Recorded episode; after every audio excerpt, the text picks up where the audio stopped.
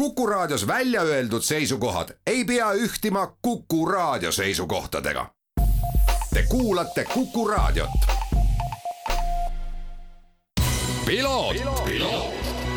ralli uudiste parima kvaliteedi tagavad Osmo õlivahad tervist, hea Kuku raadio kuulaja, eetris on saade Piloot ja stuudios saatejuht Margus Kiiver, me räägime täna pikemalt vormel ühest, sestap vormel üks naases pikemalt suvepuhkuselt ja pühapäevane etapp äh, pani nii mõnelgi teemal rääkima, aga ennem seda sissejuhatuseks äh, saadan siit õnnesoovid Tartu või täpsemalt öeldes lausa Sõmerpalu poole, äh, nimelt äh, Lukas Leok, möödunud aastane Euroopa meister kuuekümne viie kuubikuliste äh, klassis motokrossist, räägime siis Lukas Leok, tuli nädalavahetusel Soomes Vandal kuuekümne viieste klassi maailma karikavõitjaks ja see on, see on äraütlemata super tulemus ja täitsa huviga vaatame, mis sellest noorest poisist siis nüüd tulevikus saab. Ja olgu siis loomulikult ka täpsustuse huvides ära öeldud, et kui perekonnanimi Leok juba läbi kõlas, et tegemist on siis Aigar Leoki pojaga. aga räägime vormel ühest ja mul on hea meel taas juttu rääkida kahe noore tegusa mehega, Art-Peeter Roosvee ja Janar Arenko, me räägime teiega sellepärast, sest te veate ühte ägedat podcasti Corner One ja tegelikult me räägime pühapäeva eh,, vabandust, esmaspäeva õhtul ja te olete just oma podcast'i ära salvestanud. me oleme soojad sinu jaoks. Te olete täiesti soojad, aga millal alustuseks teie podcast'i nüüd kuulata saaks? Eh, meie podcast'i saab kuulata, ma arvan, siin teisipäeval, siis kolmekümnenda augusti ringis mingil kellaajal ta läheb sinna eh, Postimehe veebi ja siis ka Spotify'sse ülesse nii et kuulake kindlasti, aga lähme asja kallale. Shoutout tehtud. nii, Belgia ja Spa rada, noh rääkimata sellest, et tegemist on legendaarse rajaga, pakkus see sõit tegelikult päris palju, kuna mm, kvalifikatsiooni järjestus keerati korralikult pea peale, sest äh, väga paljud sõitjad vahetasid auto küljes osi, mis tähendas siis kukkumisi stardirivis, teiste hulgas ka Max Verstappen, äh, kes MM-sarja liider startis, oli ta neli, neliteist, neliteist jah ja,, täpselt, neljateistkümnendalt kohalt ja ja ilma igasuguse vaevata tuli sealt nagu nuga läbi sulavõi ja võitis etapi. ma pean tunnistama, et, et äh, ma ei ole ammu sellist domineerimist näinud, kuidas teil? jah, jah, et selles mõttes ega Red Bulli mingi pealik ise ütles ka, et, et ta julgeks arvata, et et äh, kui Verstappen oleks alustanud viimaselt kohalt, oleks äh, seis täpselt sama olnud. et see oli, see oli muljetavaldav sõit, et keegi, ma arvan, ei osanud arvata, et see nüüd nii päris läheb kui me nüüd nagu võtame, et siin oli paus vahel, et äh, mis vahepeal toimunud on, mille poole pealt Äh, teie silmis siis Red Bull meeskonnana on paremaks saanud või auto neil paremaks on saanud? noh, äh, siin, siin alati tuleb võtta seda ka arvesse, et me, see võis olla selline nii-öelda one-off ka natukene, et äh, võib-olla on juba järgmisel etapil jälle see jõudude vahekord natukene, natukene võrdsem, aga kindlasti jah, et me siin oma podcast'is ka, et Belgia GP-l olid väga paljud sellised väiksed kajad minevikust nii võidusõidu olukordades kui ka siis muudes situatsioonides üks kahtlemata on, et Verstappen ja Red Bull meenutasid väga hirmuäratavalt äh,, olid sarnased äh, Hamiltonile ja Mercedesele tippaegadel, aga võib-olla veel rohkem Schumacherile ja Ferrarile nende tippaegadel, sest äh, täielik selline nagu noh, loodusjõud, masinavärk, et kuidagi teised tiimid vaatavad, et isegi noh, kiirus võib-olla on isegi sama ja nagu peaks, isegi peaks saama konkureerida ja isegi on võimalusi, on isegi õnne natuke, õnn on natuke nende poolel, aga no lihtsalt tuleb, tuleb läbi ja võtab ära ja ma arvan, et äh, hetkel, hetkel on lihtsalt see üks nendest olukordadest, kus Red Bull lihtsalt ongi äh, selline Red Bull ja Verstappen on ideaalne kombinatsioon, ideaalne masinavärk, nagu Hamilton oli mitu aastat Mercedesega. ja muidugi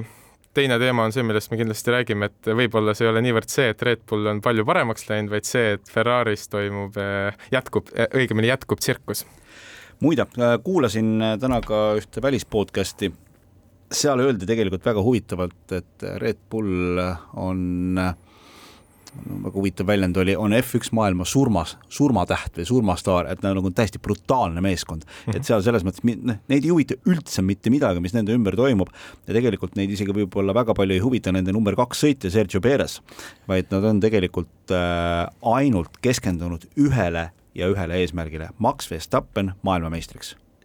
Red Bull on alati näidanud seda äh, võtame sellest ajast saati, kus Red Bull tegusid tegema hakkas, äh, sealt maalt on mina olen terve, terve see, selle aja, mis ma olen seda Red Bulli näinud te tegutsemas, nad on alati, jaa, sa ütled, ei, me oleme kahepoolsed, ei, nad, jah, täpselt, nad ongi olnud, võtavad ühe sõitja, see sõitja on hea, nad teavad, noh, samas see tiitel on nii suur asi tiimile, et sa pead selle ütleme, teise sõitja emotsiooni maha suruma, sa võtadki selle, kes teeb töö ära, kus sa tead, et sa saad kindla tulemuse ja noh, sa lähedki sinnapoole, et see, see on, kahjuks see nii on ja nad on nii kuradi stabiilsed alati et siin ma ütleks jah lõppu, et ma ei oleks uskunud, et ma kunagi tsiteerin mootorispordi saates räppar Lil Wayne'i, aga lause, et be good or be good at it ehk siis ole nagu nii-öelda hea inimene või ole selles asjas, mida sa teed, hea. ja võib-olla siis Red Bulli, Red Bull järgib seda filosoofiat. nõus. Ferrari Äh, suvepuhkus nendele on tõenäoliselt selles mõttes hästi mõjunud, et äh, tundub, et äh, on terve puhkuse aja Itaalias Negronit joodud, tööd pole tehtud ja minu meelest nende olukord on läinud veel, veel hullemaks just ka nagu taktikalise poole pealt, et okei okay,, kui sõidus võib veel öelda, et Red Bull on siin võib-olla natukene nagu tegelikult ka siin Art-Peeter enne ütles, et, et võib-olla sellisena one-off, et äkki järgmine etapp on natukene parem, järgmine muidugi sõidetakse Hollandis, aga ülejärgmine Monza. Võiks ju parem olla. jah, Monza võiks, Monza võiks juba parem olla, aga, aga lihtsalt ongi nagu see, et, et nagu kõik nagu tundus, et noh, et, et okei okay,, et noh, see sõit selleks ja siis tuli see eelviimane ring. no mida paganat nad mõtlesid, et võtame, võtame Leclerc'i sisse, paneme pehmed rehvid alla, saadame rajale tagasi, kõigepealt natukene niperdasid seal selle boksipeatusega ära ja no kelle ette või kellega kokku, Fernando Alonsoga, no ma ei tea, kes seal see inimene, kes nagu seal mõtlemise eest vastutab, kui seal on mõni, siis äh, see oleks pidanud küll nagu ja korralikult puid alla saama. e. eriti veel võtta see risk, kui sul on see kiirusesensor äh, üle kuumenenud, nad peaks, nad teadsid ju, et see ei tööta kuidas sa saadad ta siis bitti veel ja lähedki riski, no ma ei tea, noh, siin on. ja just, et noh, ja sealt käris veel see noh, mis ongi one mile ehk siis üks, üks miil oli nii-öelda kiirust üle veel ka, eks ole. et see no hästi vähe mm. -hmm. absoluutselt ja Ferrari puhul ongi, et me oma saates ka pühendasime selle väga lahkelt Ferrarile, küll mitte positiivses mõttes ja tõesti, et no öeldakse, on see ütlus, et tsirkus Barcelona, et Ferraril on tsirkus Maranello ja äh, see on, see on tõesti, see on natuke selline mõistusevastane seda vaadata, et äh, mõtledki, et no Ferrari seekord ju nüüd ei keera mingit muud käkki, aga nad, nad isegi seal enne ju, Charles Leclerc küsib, et mis rehvid mul all on ja Ferrari ütleb, et sul on vead all või sul on viga all. ehk siis nagu see on tõesti selline, selline asi, et mis mul Ferrari puhul on alati olnud, et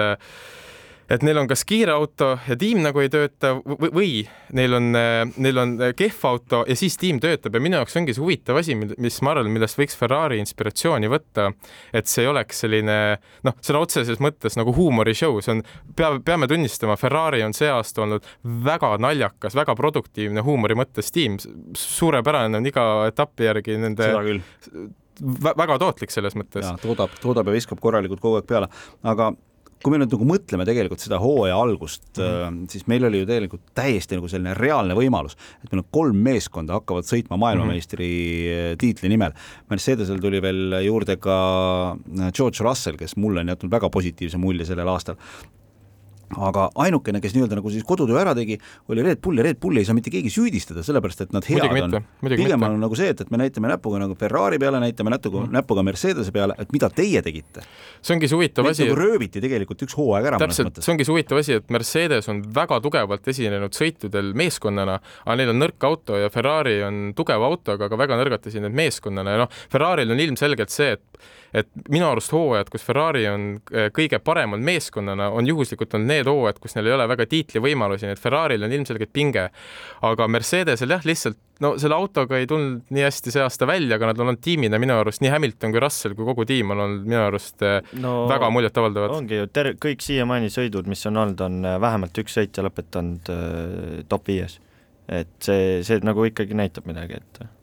hüppan korra siit äh, teisele teemale, kas Mercedes saab see aasta etapivõidu, nad on võrreldes hooaja algusega, nad on paremaks saanud? jaa, mina usun. ma arvan ja. ka, jah. see üks tuleb ära, kusagilt tuleb ära. aga kumb? no ega minu ega... vastust te teate ei, ei no kindlasti, äh, ma pean ütlema seda, et Russell on fenomenaalselt suurepärane, ta on, äh, ma arvan, pärast Alonsot ja no muidugi Rosbergi ka, ta on esimene sõitja, kes võib reaalselt Hamiltoni hooaja lõikes võrdsetel alustel võita ma pean ütlema, et ma ikkagi olen näinud selliseid väikseid hetki, kus veel Hamilton tulenevalt oma talendist ja mida ta on rohkem rafineerida jõudnud ja kogemustest, see äh, Russell oleks selline muinasjutulugu, aga ma arvan, et selle võidu, selle ühe võidu napsab ära Hamilton ja jätkab oma seda statistikat, et on alates kaks tuhat seitse aastast iga aasta vähemalt ühe etapi võitnud